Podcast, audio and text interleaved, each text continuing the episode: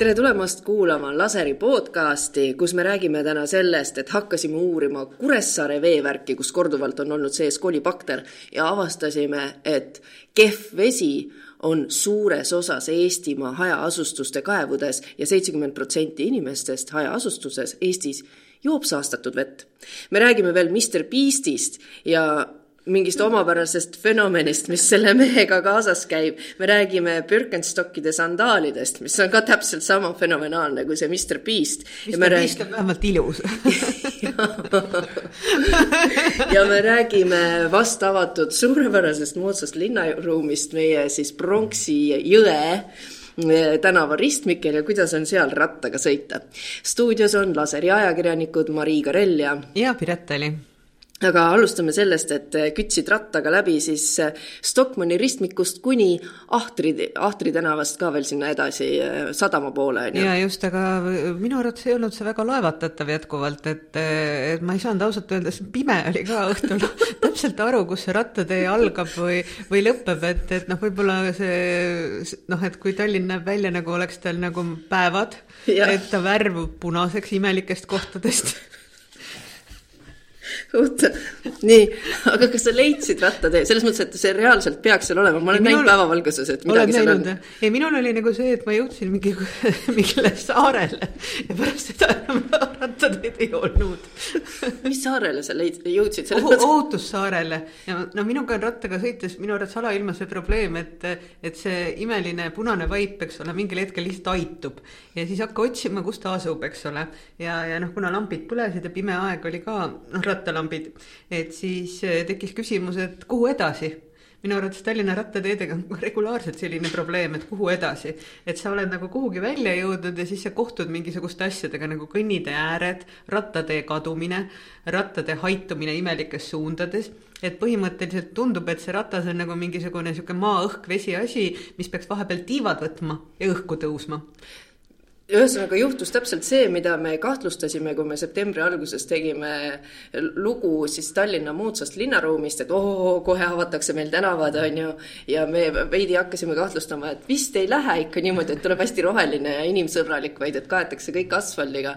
ja selle siis äh, tipp ja lagi on tõesti viimati avatud Jõe ja Pronksi tänava tee, äh, mis äh, lõpeb Stockmanni ristmikul, kus on kaheksa sõidurada konkreetselt. me lasime drooni üles lugesime need sõidurajad kokku, see on nagu mingi uskumatu asfaldiväli. aga nad tegid nagu väikse paranduse, onju. Nad tegid sinna rattatee, sest seda enne üldse ei olnud. aga kus kohas see oli, ma tulin muidugi kaubamaja juurest ja ja olin ka mingisuguses imelikus liivakraavis vahepeal ja sõitsin mingisuguseid imelikke kaldteesid pidi, et ma ei saanud nagu üldse aru, mis asi see on, see on mingi mägirattamatk või Tallinna linn? no saan aru, see on hästi maskeeritud, sest et kuidas tehti rattatee sinna? tehti kõnnitee lihtsalt kitsamaks ja võeti sealt rattatee ruum, on ju. et seda esiteks, et autoteesid ei vähendatud, ei tehtud kitsamaks, ehkki me kõik teame, et selleks, et autod liiguksid äh, linnas rahulikumalt, mis oleks turvalisem siis ratturitele ja jalakäijatele, oleks vaja teha teid kitsamaks. seda ei tehtud, tehti kõnnitee kitsamaks. nüüd kõnnitee ja rattatee vahel traditsiooniliselt ei ole mingit väga head eraldatust, vaid toimub selline nagu rahvaste liikumine et kui on kott pimes, sa võib-olla näed seda valget eraldust joont sealt vahel, aga tegelikult peaksid nagu ühed hoidma ühele poole teed ja teised teisele poole teed, minu arvates on see väga eluohtlik, arvestades, eh, millise kiirusega kõrvaklappidega erinevad toidu ja muud kullerid liiguvad pimedas. ja, ja, ja pealegi neil on nagu eranditult kõrvaklapid ja mõned neist laulavad ja vilistavad ja, ja noh, mina olen korduvalt hüpanud umbes tee pealt eh, surmahirmuga eest ära, et ma ei jääks mõnele sellele näiteks elektrilise tõuksiga kimavale tõu-, need kullerile ette, aga et noh, kui tegu on vanainimese või lapsega, kes ei suuda ohtu aimata, siis ei ole see üldse tore.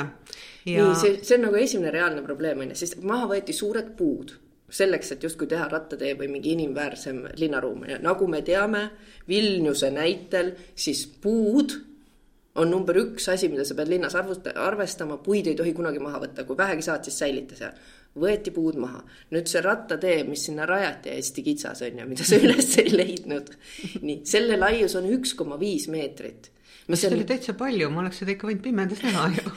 see on reaalselt kõige kitsam rattatee, mida sa üldse saad rajada noh, et enam. arvestades seda, et seal peaks nagu toimuma kahesuunaline liiklus või? no ühelt poolt lähed ühtepidi, teiselt poolt pead teistpidi tagasi. üks koma viis meetrit ühtepidi, üks koma viis meetrit tagasi tulles on ju. Mm. aga et kuna seal on autoridasid nagu tõesti viis mm. läbivalt seal Pronksi jõe tänaval on ju. et mul tekib küsimus, et miks tehti ainult üks koma viis meetrit selleks rattatee laiuseks. sest kui on üks koma viis meetrit, siis juhtuvadki täpselt need asjad, millele sa juhtisid tähelepanu. keegi sõidab elektrilise jalgrattaga või tõuksiga. nii, nüüd tema ees on kümneaastane või kuueaastane lapsekene oma jalgrattaga ja lihtsalt ei ole võimalik mööduda, sest nad ei mahu kõrvuti ära selle ühe koma viie meetrisele rattateele ja noh, teisest küljest mul on tunne, et, et see on ka nagu see kant, kus peale minu ja nende kolme Woldi kulleri ei satugi keegi jalgrattaga sõitma, sellepärast et no esiteks on seal liiklusmüra ja, ja teiseks ei ole seal nagu noh, tegelikult üldse nagu inimväärne keskkond, et noh, ma pakun, et Narva maantee ja Tartu maantee on kaks kõige mõttetumat tänavat, mis Tallinnas on, koledad, mürarikkad ja kõik muu selline. ja nüüd lisandus sinna siis äh, Pronksi jõe koos oma politseipargiga, mis ei tee asja üldse nagu väga palju paremaks, sest seal tõesti on metsik lärm. Ja et mis nende ühe koma viie meetriste rattateedega veel on, nii et me peaks nagu vaatama veidikese tulevikku, et tulevikus me näeme, et autod ei mahu linna ära.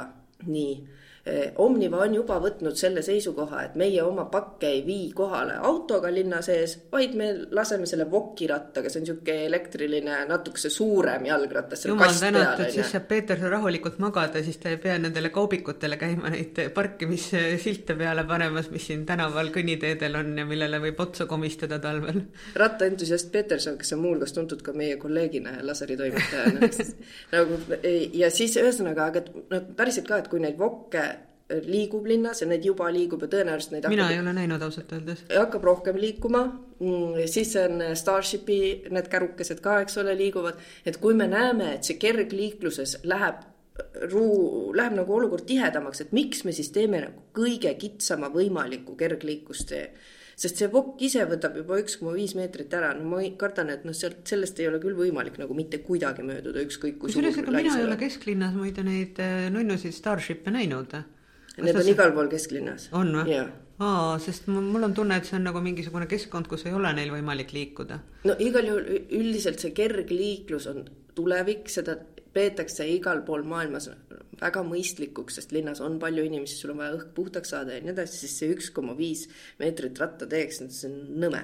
seal on veel üks miinus, mis sellel uuel tänaval on, seal on niimoodi, et ülekäigurajad nihutati siis kaugemale, mis tähendab seda, et kui tuleb ristmik, on ju siis äh, sa tahaksid jalakäijana võtta kõige otsema tee, see tundub hästi loogiline, on ju. Mm. aga nüüd selleks, et seda teed ületada legaalselt, sa pead kõigepealt keerama ümber kurvi, kõndima viis meetrit, leidma sealt sebra, ületama selle sebra, siis kõndima tagasi viis meetrit.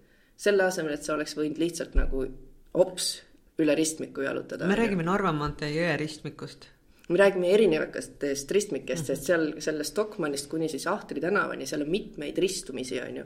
Raua tänavate, Tina tänavate ja siis nende ristumiste juures ongi tehtud niimoodi, et kõik autod sõidavad nagu sirgelt otse, on ju.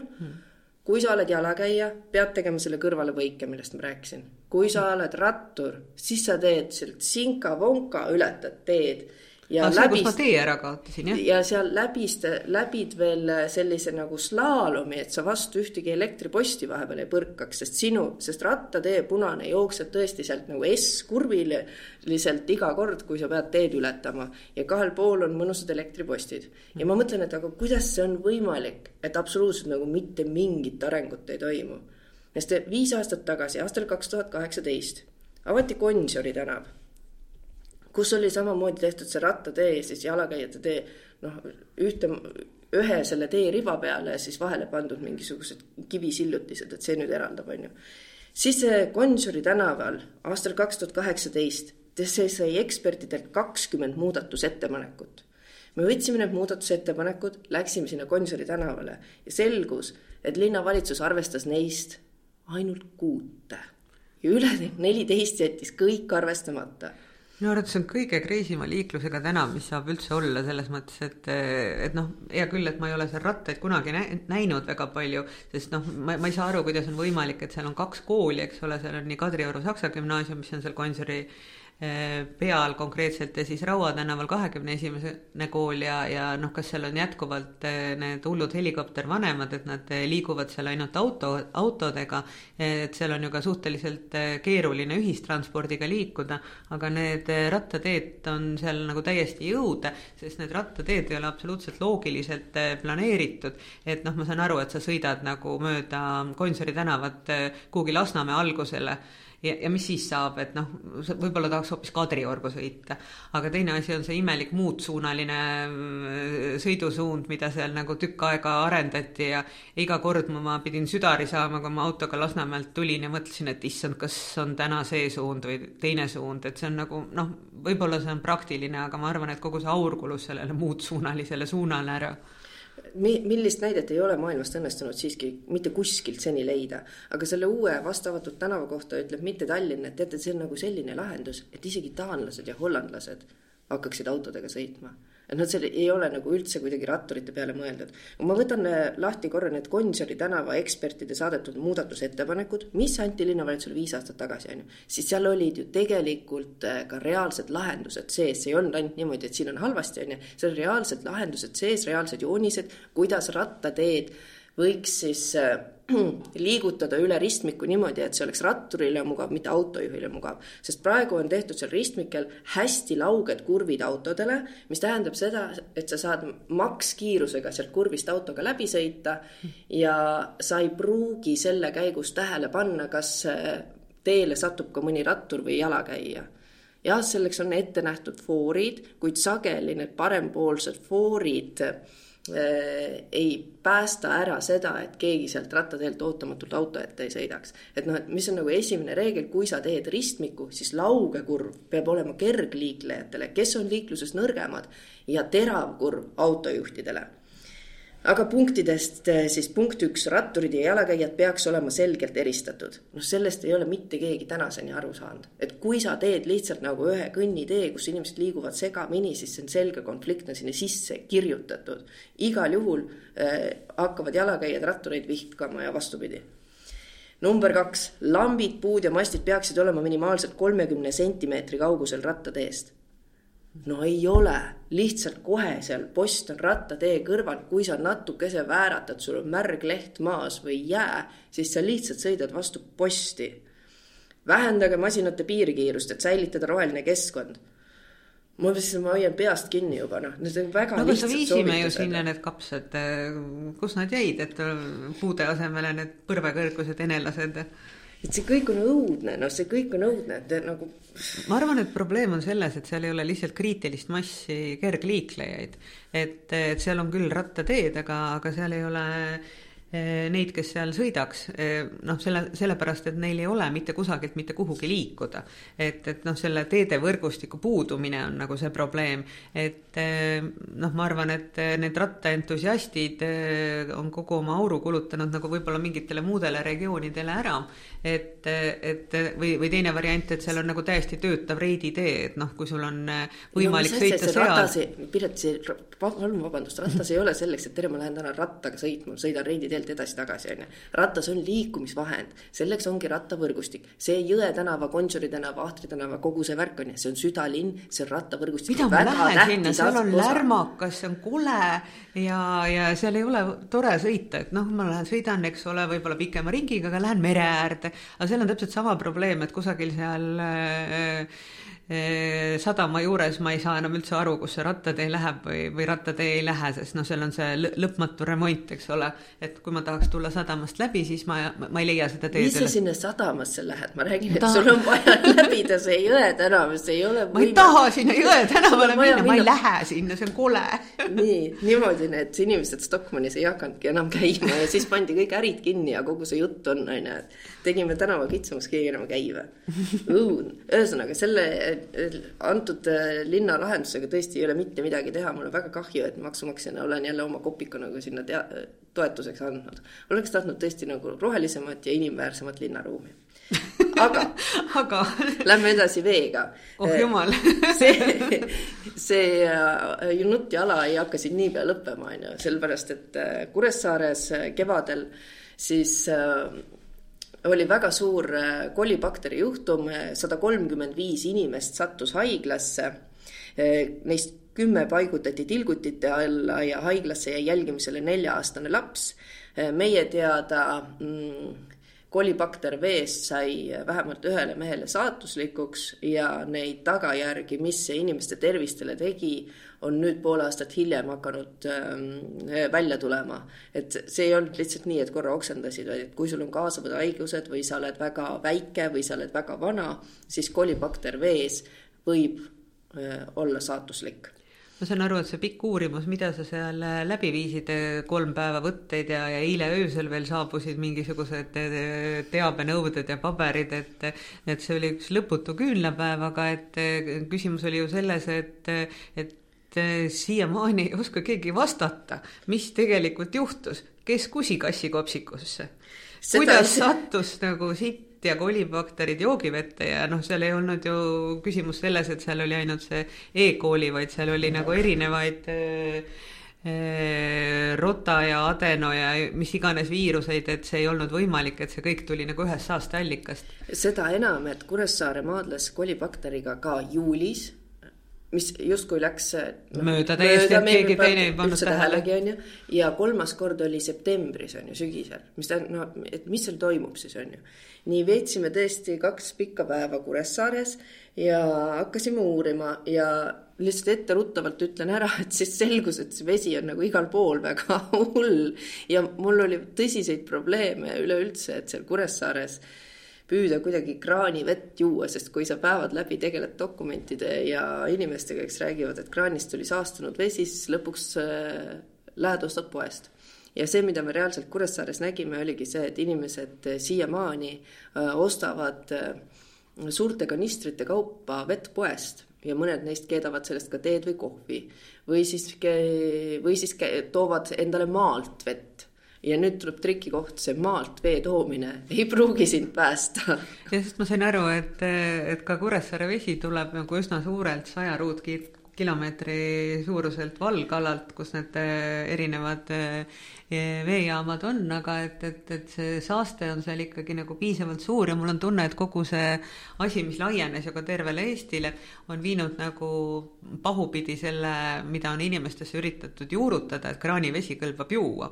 sest eh, olles ikkagi elanud kaheksateist aastat Eesti NSV viljastavates tingimustes, teadsin ma täpselt, et eh, on vett, mida ei sobi juua et, et aga noh, mingil hetkel hakati ju rääkima, et meie vee kvaliteet on tohutult hea, olid suured mainekujunduskampaaniad, ma mäletan mingeid sotsiaalreklaame ja, ja nüüd, eks ole, kus peaks olema ju võimalusi, tehnoloogiaid ja raha ja igasuguseid toetusi ju metsikult palju, ei ole selles vee kvaliteedis mitte midagi muutunud. ja noh, imelik on ka see, et, et kui suur see Saaremaa ikka on, aga neid alasid, kus inimestel jätkuvalt on kaev ja kuivkäimla kõrvuti, on tohutult palju ja mitte kedagi see ei huvita see ei ole Kuressaarele ja Saaremaale kuidagi eriomane probleem, on ju.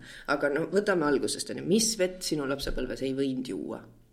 no meil näiteks kodus kaevuvesi ei kõlvanud Pärnus mitte millekski, aga noh, arvestades seda, et eh, mingil hetkel oli ka meres ja jões vesi nagu nii saastunud, et seal ei kõlvanud isegi ujuda. Et, et, et meil käidi toomas eh, teeäärsest trassist eh, pumbavett ja, ja isegi oli mingisugune veetoru, kuna seal ei olnud äärelinnas eramutes siis torustikku, et sellest veetorust, kraanist nii-öelda tuli nagu asi, millest oli pool roostet ja, ja pool mitte, et siis noh, valge va,, valge vesi, mis toodi trassist, kõlbas juua, sellega keedeti kohvi ja selle, sellega pesti valgeid riideid. ja mm., ja kulus, mitu aastat siis kulus, kui vana ma siis olin, kui lõpuks tuli siis nagu veetrass ja kanalisatsioon sinna alale eurotoetustega. ma arvan, et ma olin üle kolmekümne, et see oli siis noh, mitte väga ammu. Tehnoloogiaid sa mainisid, et tehnoloogiad on tegelikult selles mõttes nagu õige sõna, et kui me oleme linnapiirkondades ja eh, siis tehnoloogiate ja kemikaalide abil me saame nagu enamikku neid baktereid ikkagi kontrolli alla. et see, kas sulle see vee maitse siis lõpuks eh, meeldib või ei meeldi, et see on juba maitse küsimus, on ju. aga et kui ta tuleb eh, avalikust trassist, avalikust kanalisatsioonist, et siis see kraanivesi üldjuhul on Eestis joodav. ta on ära töödeldud, ta on võetud kontrolli alla. mis aga puudutab kaevuvett siis seitsekümmend protsenti Eesti hajaasustuse kaevudest on saastunud. seitsekümmend protsenti see on metsik see on kohutav tegelikult. see on metsik arv. et, et noh, kui kuulata neid lugusid või mis meediasse ka jõuavad, kõik need äh, võõpsud ja, ja mis iganes, et, et ka selles tänases laseriloos tulevad ju kaardilt välja need punktid, et noh, see ei ole nagu normaalne, et inimesed käivad nagu seitsmekümne kilomeetri kauguselt nagu vett toomas ja, ja mitte keegi nagu vastutust ei võta selle eest, et miks nende vesi on nagu saastunud. ja kui me hakkasime seda lugu siis ähm, reklaamima oma sotsiaalmeediakanalites, Facebookis, Facebookis, Instagramis, Twitteris või jooksis see telekanalis, siis üha enam me saime kirju ja tele- ja siis ähm, SMS-e vaatajatelt, aga minu kodupiirkonnas on ka vesi kehv, on ju, minu juures on ka kehv, meil siin Ida-Virumaal, meil siin Lõuna-Eestis on ju. et äh, tegelikult inimestel on veega mure ja täiesti põhjendatult, et Keskkonnainvesteeringute Keskus tegi aastal kaks tuhat kakskümmend suure üle-eestilise kaevuveede uuringu ja seal uuriti kokku siis üle seitses üle seitsmesaja kaevu ja tõesti selgus et, et seitsmekümnel protsendil neist on sees kasvõi näiteks seesama E. coli bakter, et no sitt on sees sõna otseses mõttes on ju. kust see tuleb? no see on E. coli bakter ei tule kuskilt mujalt kui inimeste ja loomade soolestikust. kuskilt mujalt see tulla ei saa. no aga see ongi see, et inimestel ei ole kanalisatsiooni et, et nad elavad sellistel aladel, kus kogu nende jääkvesi ja, ja sõnnik ja loomade sõnnik, et see, see voolabki põhjavette ja seda on aastaid peetud normaalseks. aga noh, ilmselt see veekasutus ka ju kokkuvõttes kodudes on noh, kohutavalt kasvanud, arvestades seda, et inimesed ilmselt kasutavad rohkem pesumasinaid, nad kasutavad rohkem duše, et ei ole enam see, et käiakse kord nädalas saunas, et et see on nagu noh, nagu hoopiski muutunud, aga et kuidas on võimalik, et need kanalisatsiooni ja veetrassid ei jõua maale või siis mingid põhimõttelised pensionärid, ma tean ka sellel nagu eh, era, e, eramute alal, kus Pärnus minu suvekodu on, et paljud nagu põhimõtteliselt ei ühine sellega, sest see on kallis üks asi, et võib-olla need trassid ei hakkagi üle Eesti nagu igale poole jõudma, aga teine asi on see, et, et siis äh, kuidagi kohalikul omavalitsusel peaks olema ülevaade sellest, et millise veesüsteemi inimene on rajanud ja millise reoveesüsteemi inimene on endale rajanud. aga sa trampisid seal ringi ja küsisid, et noh, teil on ette kirjutatud, et te peaksite uurima. keegi ei soovinud uurida seda. keegi ei soovinud uurida. ehkki tegelikult selleks uurimiseks ei pea otseselt äh, mine, lahkuma arvuti juurest, vaid et sa siis vaatad nagu Google Mapsist kõigepealt vaatad, mis krundid on, on ju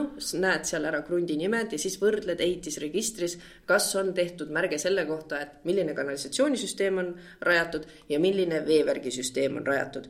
nii, ja siis äh, võtsime sellesama siis Saaremaa näite puhul, seal oli kakskümmend kaheksa majapidamist sellelt valgalalt, kus see reostus nagu kahtlustatakse, et on jõudnud Äh, ja, ja seal nagu korrektne märgis selle kohta, milline reovee ja veesüsteem on, oli neljateistkümnel on ju. no see on pooled on ju, aga tegelikult väga-väga paljudes majapidamistes oli seal kirjas puudub, puudub, puudub, puudub. aga no, need olid nagu no, aastaringselt kasutatavad majad? ja, ja aastaringselt kasutatud majad ja ma no pean väga vähe tõenäoliseks, et noh, et igasugune vesi puudub või et igasugune kemmerg kuhugi no ei ole võimalik, kuhugi pead lõpuks ikkagi nagu kergendama ennast, on ju.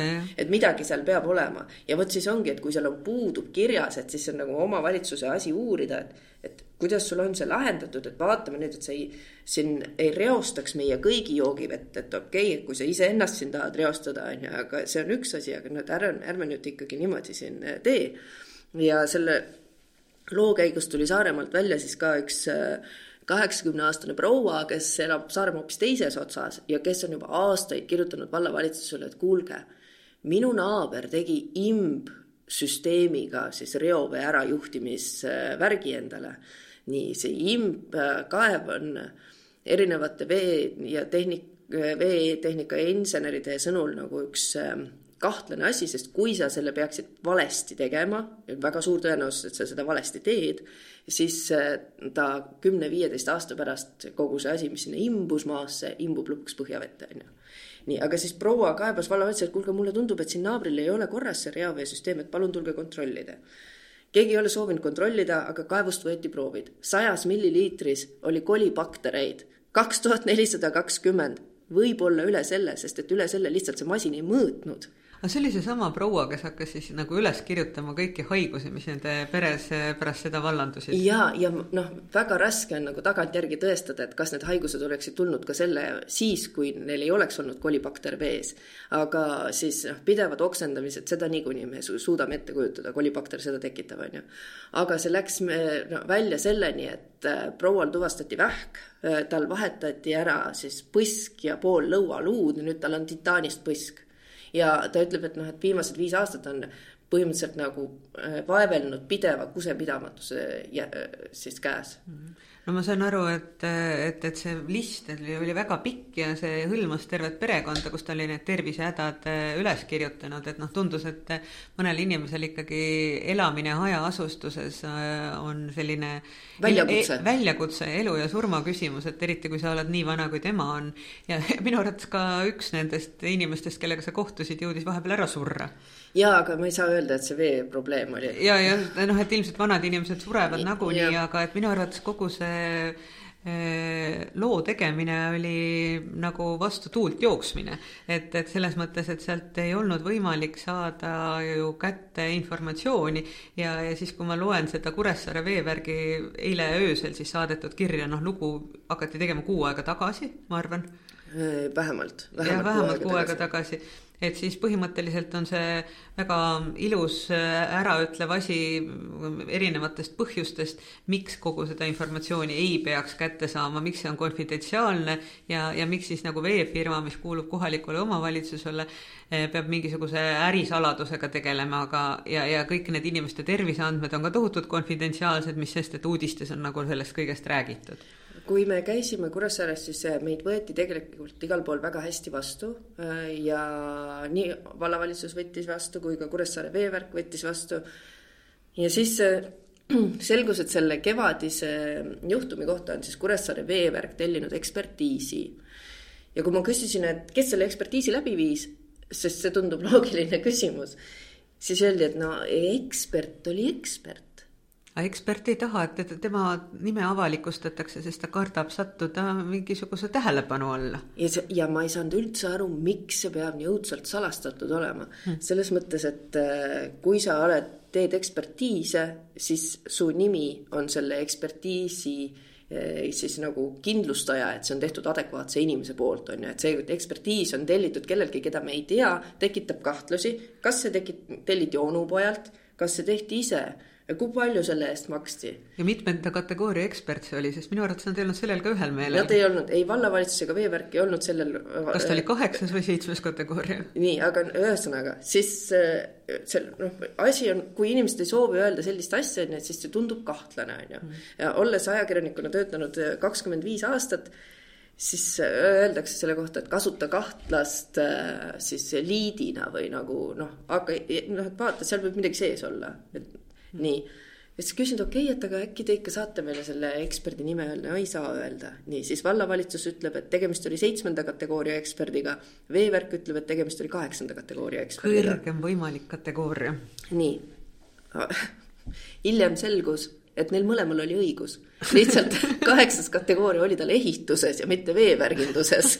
ja seit-, ja veevärginduses oli tal seitsmes kategooria, mis tähendab seda, et ta ei tohi tegelikult eksperthinnangut teha, vaid ta tohib, tohib teha analüüsi, on ju nii, siis äh, kuna pärast mitmeid telefonikõnesid ja kirjavahetusi ikkagi ei soovinud äh, Kuressaare veevärk meile seda ekspertiisi anda ja vallavalitsus ütles ka, et nemad ei anna, ehkki see on koostatud äh, rahva rahaga, sest Kuressaare veevärk kuulub vallavalitsusele, vallavalitsust omakorda peavad üleval maksumaksjad siis me ütlesime, okei okay,, et me teeme siis teabenõude nagu lõpuks on ju. tegime teabenõude, mille meile, meile alguses vastati, et me ei kavatse vastata teie teabenõudele, sellepärast et äh, meil ei ole niisugust kohustust, et me oleme kokku leppinud, et me ei ütle, kes seda ekspertiisi tegi kirjutasime neile vastu, et juhime teie tähelepanu sellele, et vastavalt avaliku teabe seaduse paragrahvile kakskümmend kaheksa on teabevaldajal kohustus avaldada info ka selle raha kasutuse kohta, mille on teinud KOV osalusega eraõiguslik isik.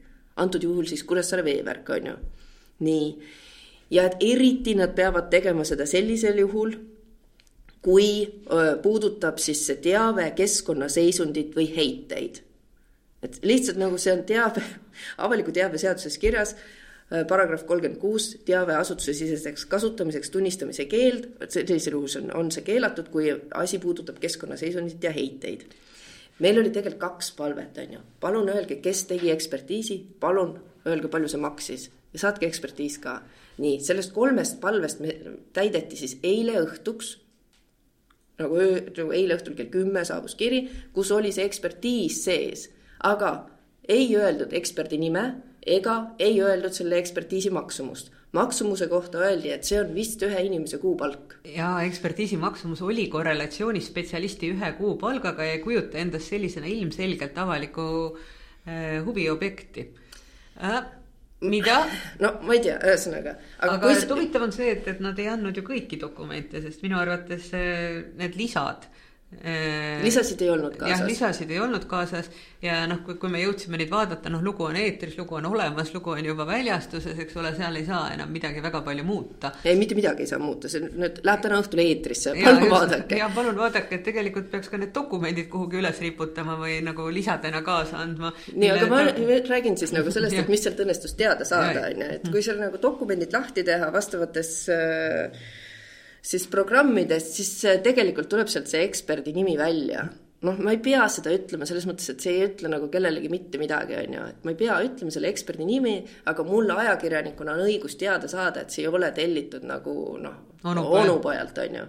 nii ilmselt nad ei tahtnud, et me seda teada saaksime, aga no me saime teada, no pole hullu, onju. aga siis ma loen seda ekspertiisi ja ma mõtlen, et ma ei saa nagu üldse aru. uurivas ajakirjanduses on selline meetod, et sa teed timeline'i, sa pead nagu kuupäevadega graafikut, on ju, et millal, mis asi juhtus, millal, mis keegi midagi ütles, on ju. ja teed selle dokumendi, sul on selle järgi hea uurimust äh, teha, sellepärast et või, siis võib selguda seal, et kui kuuendal juunil sul isik ütles ühte asja, siis kaheksandal juunil ta oli ümber mõelnud hmm.. ja see võib nagu aidata uurimist läbi viia. nii. Ja siis võtan varsti selle ekspertiisi, mis hakkab. seal oli mingi timeline ju loomulikult seal oli timeline, aga lihtsalt nagu seal ekspertiis ütleb, et esimene kaebus haiglasse oksendamisega tuli neljandal mail. kõik äh, eelnevad kohtumised, eelnevad dokumendid, mis me olime Kuressaares kahe päeva jooksul kogunud, haigla inimestega rääkinud, vallavali-, vallavalitsusega rääkinud, äh, veevärgiga rääkinud, rääkisid meile kuuendast maist et kaebused hakkasid kuuendal mail, avali oli neljandal, kaebused hakkasid kuuendal. Ja nüüd ma loen sellest ekspertiisist, et kaebused hakkasid neljandal mail. Keda ma saan usaldada siis, et veevärgis esitletakse mulle sihukest analüüsi, kus kõik on, kaebused hakkasid kuuendal, kõik ütlevad, et kuuendal hakkasid. me oleme kogu timeline'i ehitanud selle peale, et kuuendal hakkasid. Ja nüüd tuleb, kaevatakse siis nagu kuu aega hiljem välja mingi dokument, mille salastamise põhjust mul ei ole õnnestunud tuvastada senini, kus öeldakse, et aga haiglasse esimene inimene pöördus neljandal mail. Aga minu arvates on see täpselt seesama asi, et seal tundub, et nagu kohalikel inimestel, noh, kui juba sina ei saa seda kätte, eks ole, seda informatsiooni, kas nendel on üldse mingit lootust kätte saada või milline on siis nagu see avaliku teavitamise kohustus, kui inimeste elu ja tervis on, eks ole, ohus et siis oleks pidanud eh, andma alarmi igal pool, et eh, ärge jooge seda vett ja, ja sa kohtusid ka selle arstiga, kes sai juba ammu eelnevalt aru ja kirjutas igale poole kirju. ja, ja noh, kokkuvõttes eh, oli see selline arst, kes nagu muretses selle eest, aga kohalik omavalitsus minu arvates ei teavitanud inimesi algusest peale, et kuulge, pidage veega hoogu, et sel juhul ei pea me sülelapsi, eks ole, helikopteriga viima Tallinna lastehaiglasse, nagu Kuressaares juhtus, sest lapsel on elu ohtlik soolesulguse oht, nagu sellel väiksel tooral, oli ta toora. Yeah.. et, et, et noh, see, see ei ole nagu väga tore, et inimestel on usaldus mingite teenuste vastu ja, ja kui keegi nende teenuste edastamise eest vastutab, siis ta peaks ka võtma vastutuse, see on umbes samasugune paralleel nagu Kaja Kallasel ja lõhutud gaasitorul. aga need torud lähevad ju ikka katki, miks me peame avalikkust teavitama, no nad võivad ju Soome ja Rootsi meediast lugeda sellest no et samamoodi nagu Kuressaare ilmselt nagu võis teada saada nendega juhtunud õnnetusest oluliselt rohkem üleriiklikust meediast ja ei olnud väga lihtne seda infot hankida ja ma lõpuks ei saagi aru selles mõttes, et loomulikult kohalikud omavalitsused nagu toetuvad nendele inimestele, kes on aastaid olnud pukis, kes teavad, kuidas süsteemid töötavad, on ju. see on suur õnn, kui omavalitsuses on asjalik inimene, kes on pühendunud ja ma tõesti, ma ei taha igat inimest kahtlustada, et aga äkki ta kuidagi paneb seal raha kõrvale, äkki ta susserdab midagi. lihtsalt siis ma mõtlengi, et aga milleks on vaja nagu kogu see palagan nende dokumentide peitmisega, eksperti peitmisega, kelle huve see siis kaitseb, on ju. et vallavalitsus on ka tänaseks öelnud, et see ekspertiis, mis Kuressaare veevärk tellis, et see meid ei rahulda, me tellime ise uue, me teeme suure riigihanke ja nüüd riigihanke siis põhipunktid, et millele ekspertiis tellitakse, need on ka tänaseks päevaks teada ja üritatakse siis seda noh, selle konkreetse nagu kevadise juhtumi sündmust siis välja selgitada, küll aga ei uurita selle riigihanke eh, siis eh, alusel põhjavett. et kuna me teame, et see kolibakter on olnud seal eda, edaspidi ka suvel ja ka sügisel. ja see, see on seotud vihmadega, ma sain aru. see on siiamaani seal, see kolibakter sees, see lihtsalt klooritatakse välja.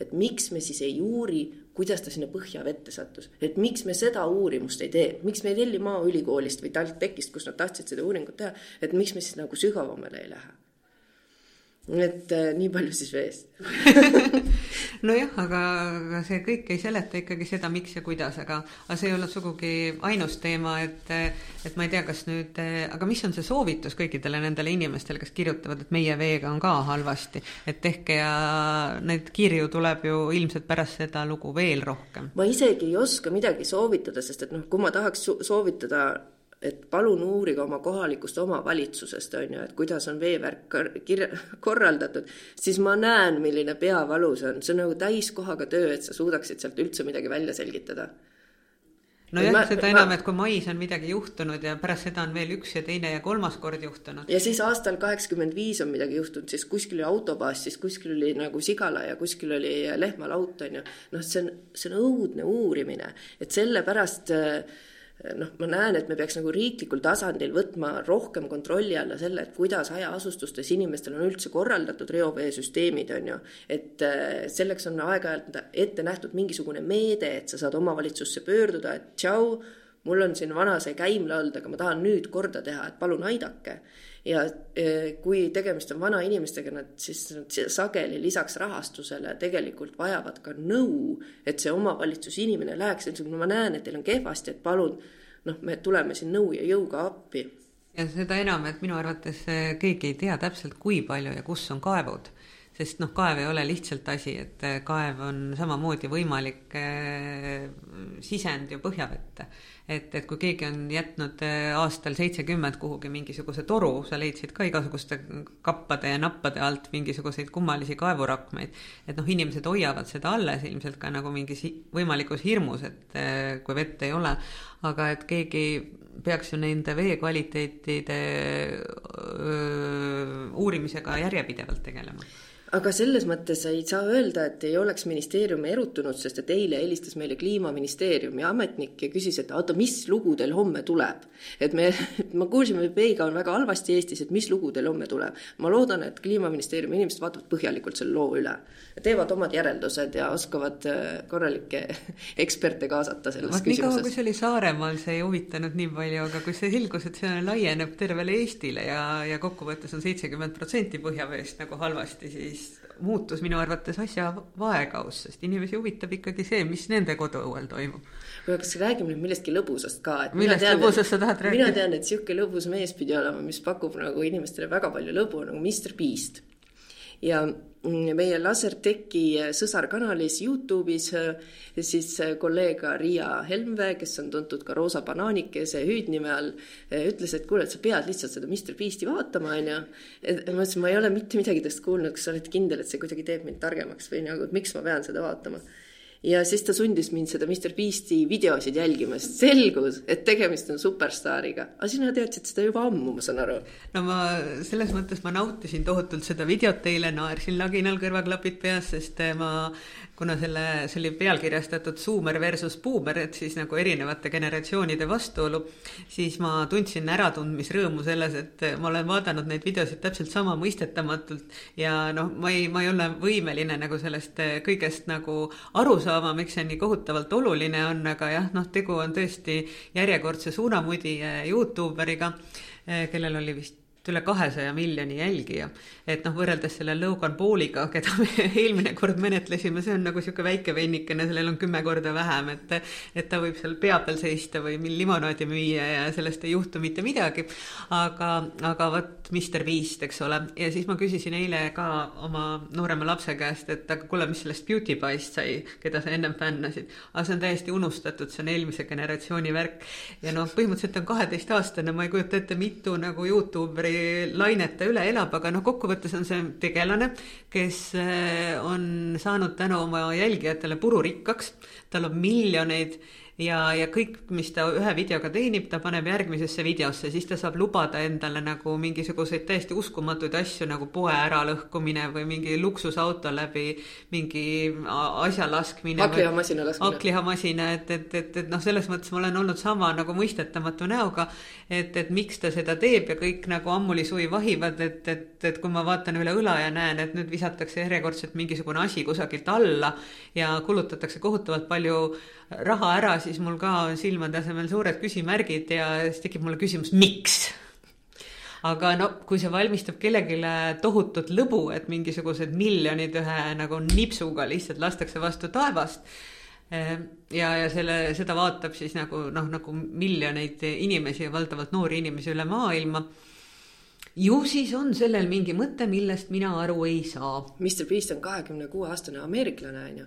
ja siis, äh, kui me seda lasertekki alustasime, siis äh, ja oleme siin pidanud oma toetajaga koosolekuid, on ju, siis äh, toetaja Telia ütleb, et tegelikult võiks olla nagu lahe rubriik, kus noor õpetab oma vanaema siis tehnikat kasutama, on ju aga kas see oligi nüüd see rubriik, kus Maria näitas sulle Mr Beast'i? nagu ma ei tea, et kust me leiame selle, kus me leiame selle nagu lõbusad vanainimese ja lõbusa noore, et see peab ikka kuidagi kandma ka, et see noh, see on suunatud äh, noortele ja üldiselt noori nagu koolis õpetatakse hommikust õhtuni, nad ei soovi, et Youtube'is neid veel keegi õpetab midagi tegema, on ju ja siis nüüd ma sain aru umbes eile, et issand jumal, mina olengi see vana inimene, siis kellele tutvustatakse mingisuguseid tehnoloogilisi uuendusi, et on Mr Beast, keda sa pead teadma.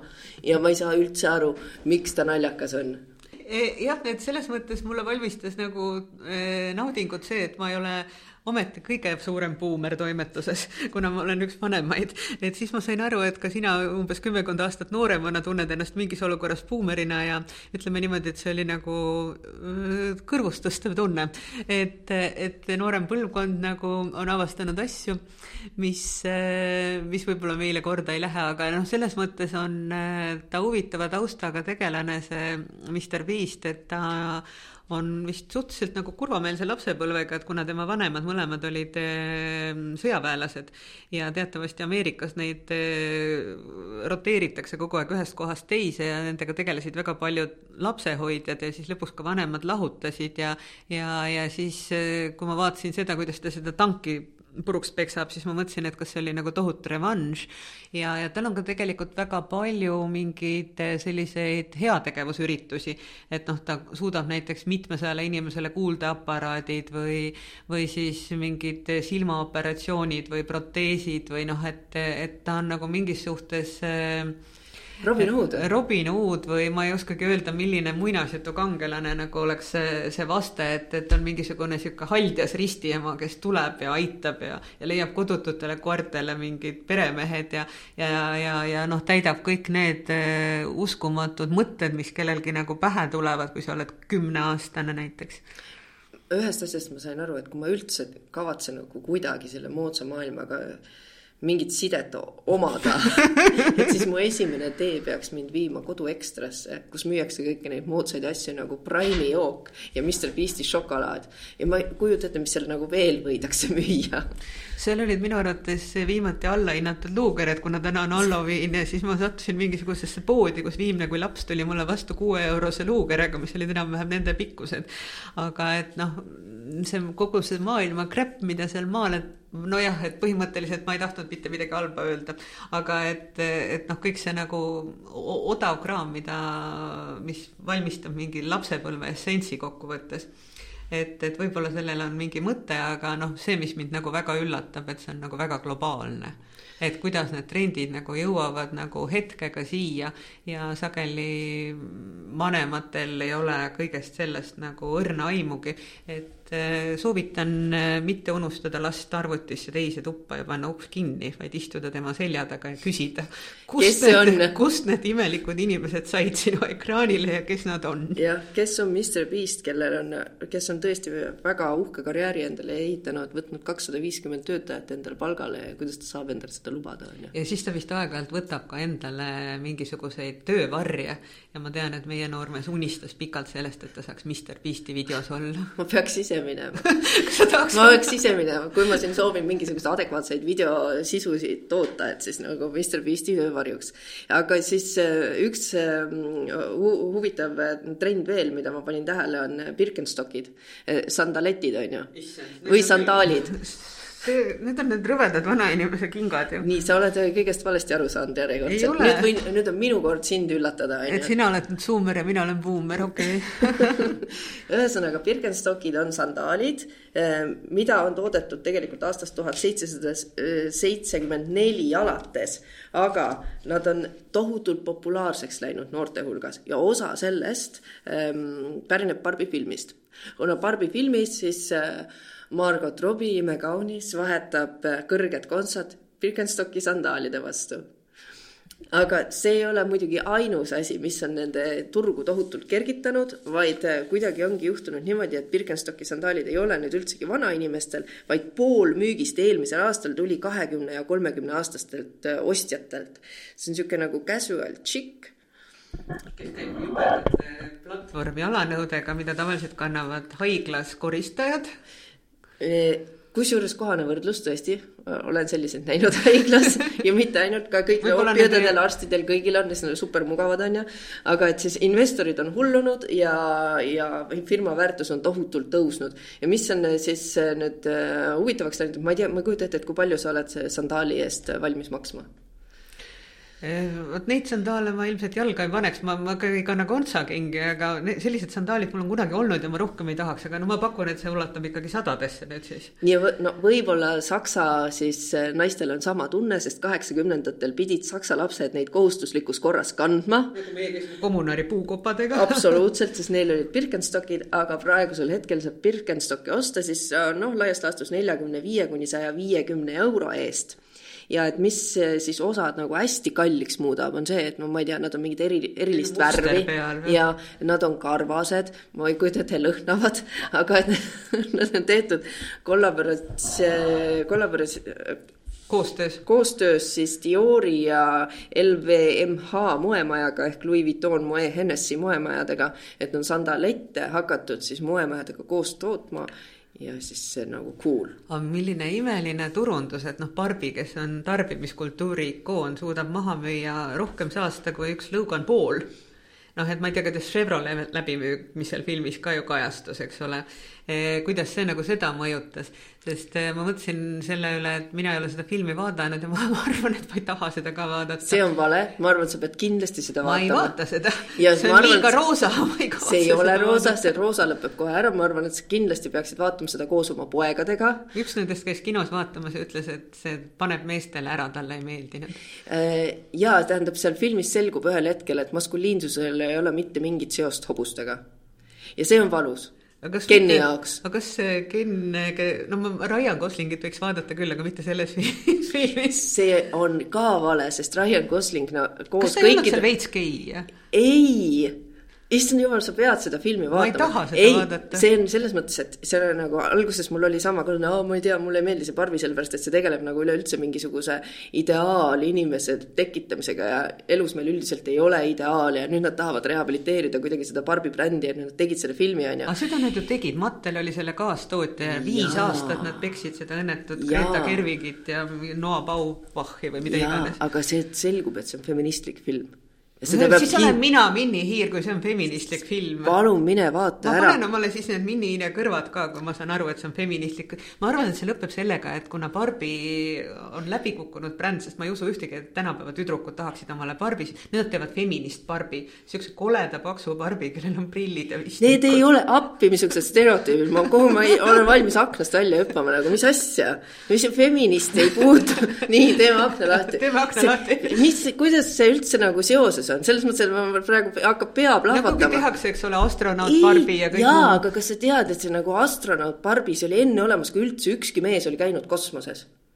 See tähendab, sul on naisena võimalik teha asju palju varem kui mehed, on ju. kas mul peavad selleks olema need pikad jalad ja tissid sellised või? Barbil oli maja enne, kui, kui üleüldse mingi mees sai endale lubada, selles mõttes, et Barbil kuuekümnendatel tal oli oma maja, tal olid oma asjad, on ju, tal kõik need värgid. Et talle isa ei ostnud või mees ei ostnud, ta ise ostis. ta ei, jah, just nimelt aga siis... ma saan aru, et sul on lapsena Barbi olnud. mul mina... ei ole Barbit olnud lapsena. see ei puutu olnud. isegi asjasse, ma räägin, see on feministlik film film on ju, et kui meil siin oli eh, kohtumine kliimaministriga, Kristen Michal ütles ka nagu väga üleolevalt, et ei, ma ei kavatse seda filmi minna vaatama, kui nagu just väga ei pea. ja siis ma tahaks öelda, sa pead minema vaatama, sellepärast et eh, kliimaminister oli just pannud kokku kliimanõukogu, kus oli kaks korda rohkem mehi kui naisi hmm.. ja kuidas me saame edendada võrdset ühiskonda, kui meil on süsteemselt juhtivatel kohtadel kaks korda rohkem mehi kui naisi. Nad ei ole kaks korda targemad, nad jaoks, ei ole isegi poole võrra targemad minu jaoks ei ole Barbi ükski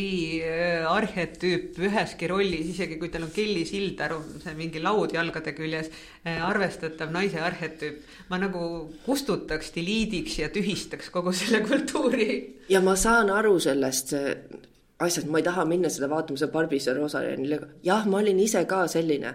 ma nüüd avan Piret su silmad ja ütlen, et tegelikult seda on vaja minna vaatama ja pärast seda, mis toimus, täiesti adekvaatsed inimesed hakkasid sotsiaalmeedias ennast barbifitseerima ja genifitseerima, mingid Tartu Ülikooli õppejõud ja mingisugused inimesed, et see, see on turundus, Mari. sa oled õnge otsas. ei, ma ei, see on, ühesõnaga, vaadake Barbi filmi, vaadake laserit, on ju, vaadake laseri kanalit Youtube'is, seal on Lasertech, kus lisaks sellele loole, kus ma imestan Mr Beast'i üle ja. kus selgub, et mina ei ole toimetuse kõige suurem buumer ma ei taha neid sildistamisega, ma ei taha täna rohkem tegeleda, onju. kuulake vahepeal Raadio kahte ja selle õhtust vööndit nii kauaks, kui seda on, sest et uuest aastast see pannakse kinni ja siis on palju vähem alternatiivset muusikat maailmas. aga vähemalt tuleb üks saade laseris, kus me näitame kõiki neid saatejuhte, keda te võib-olla ei ole näinud, aga küll olete kakskümmend aastat, kolmkümmend aastat. jaa, kolmkümmend aastat kuulanud, kuulanud ja fännanud, onju. jah, just ja, ja siis me näitame teile neid viimast korda varsti. ja Piret, sulle me alles veel näitame selle Barbi filmiga ei näita. kuuleme taas järgmisel nädalal